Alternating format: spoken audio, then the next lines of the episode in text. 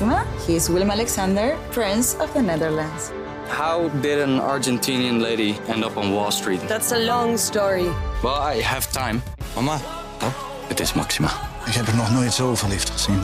Screw everyone. All I care about is you. Maxima. Vanaf 20 april alleen bij Videoland. Alice in Wonderland, Achter de Spiegel. Aflevering 40, door Bart Slegers. Alice heeft in een winkel een ei gekocht. Als ze erop afloopt, begint het, net als de hele omgeving, te veranderen. Het ei werd almaar groter en almaar menselijker. Toen ze nog maar een paar meter vandaan was, zag ze dat het ogen had en een neus en een mond. En toen ze vlakbij was gekomen, zag ze duidelijk dat het niemand minder was dan Wiggelwaggel. Ja, iemand anders kan het niet zijn, zei ze bij zichzelf. Alsof zijn naam over zijn hele gezicht geschreven staat. Zo zeker ben ik ervan. Ja, de naam had met gemak honderd keer op dat enorme gezicht gekund. Met zijn benen gekruist als een Mohammedaan zat Wiggelwaggel boven op een hoge muur.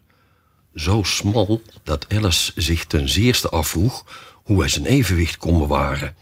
En aangezien zijn ogen constant de andere kant op bleven kijken en hij haar niet de minste aandacht schonk, dacht ze dat hij dan wel een opgezette figuur moest zijn.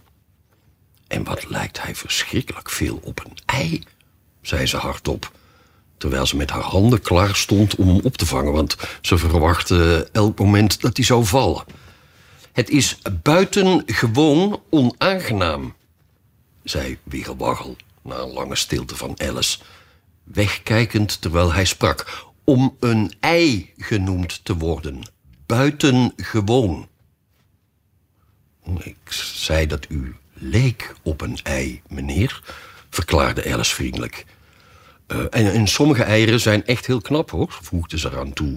In de hoop haar opmerking om te zetten in een soort compliment. Sommige mensen, zei Wiggelwaggel, zoals gewoonlijk van haar wegkijkend, hebben evenveel verstand als een kleuter. Ja, Alice wist niet wat ze hierop moest zeggen. Het leek helemaal niet op een gesprek, dacht ze. Want hij zei nooit wat tegen haar. En in feite was zijn laatste opmerking kennelijk gericht tot een boom. Dus stond ze daar en zei zachtjes voor zichzelf op... Wiggelwaggel viel van een muur. Wiggelwaggel kreeg een kwetsuur. Geen paard des konings, geen honderd man... die Wiggelwaggel weer op zijn plaats krijgen kan. Ja, die laatste regel is eigenlijk te lang voor het gedicht, voegde ze eraan toe. Bijna luidop, niet aan denkend dat Wiggelwaggel haar zou horen. Sta er niet zo in jezelf te kwebbelen, zei Wiggelwaggel, terwijl hij haar voor het eerst aankeek. Maar vertel me eh, hoe je heet en wat je doet. Eh, mijn naam is Alice, maar wat een stomme naam. Uh, interrupeerde Wiggelwaggel ongeduldig. Wat betekent die? Ehm, moet een naam iets betekenen? vroeg Alice weifelend. Ja, nou en of, zei Wiggelwaggel met een kort lachje. Mijn naam betekent hoe ik me beweeg.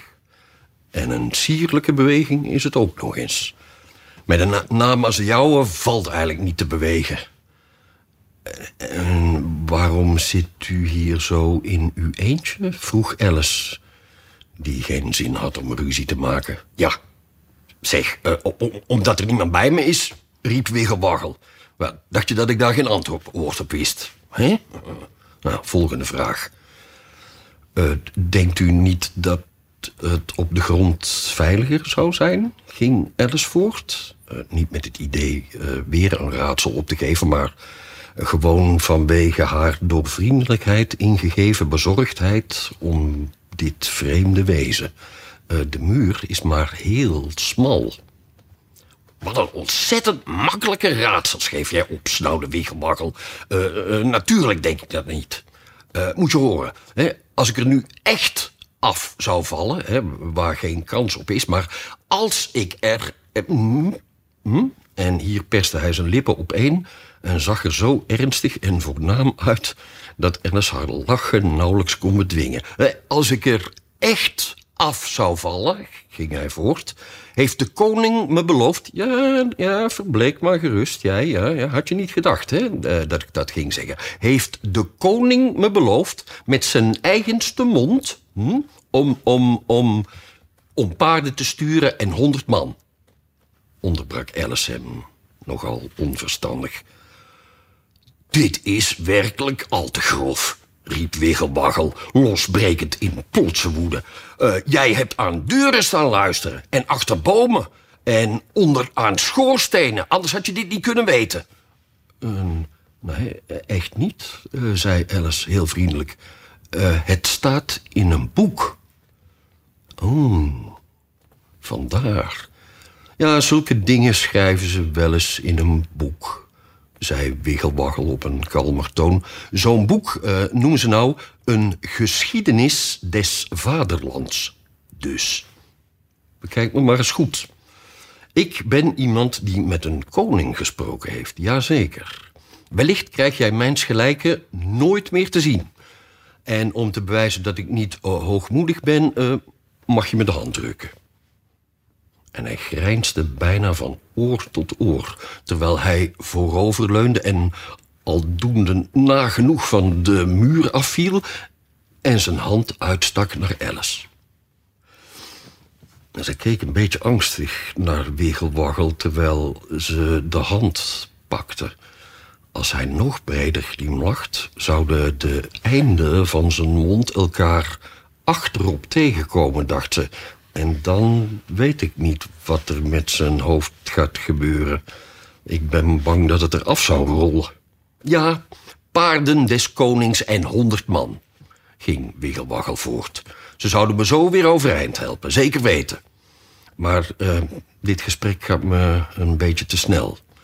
Laten we teruggaan naar de voorlaatste opmerking. Uh, ik weet niet meer precies welke dat is, ben ik bang, zei Alice heel beleefd. De volgende aflevering wordt gelezen door Chris Nietveld. Alice in Wonderland is een podcast van Internationaal Theater Amsterdam, Het Parool en Stepping Stone Producties. Vertaling Nicolaas Matsier, uitgeverij Meulenhof Boekerij.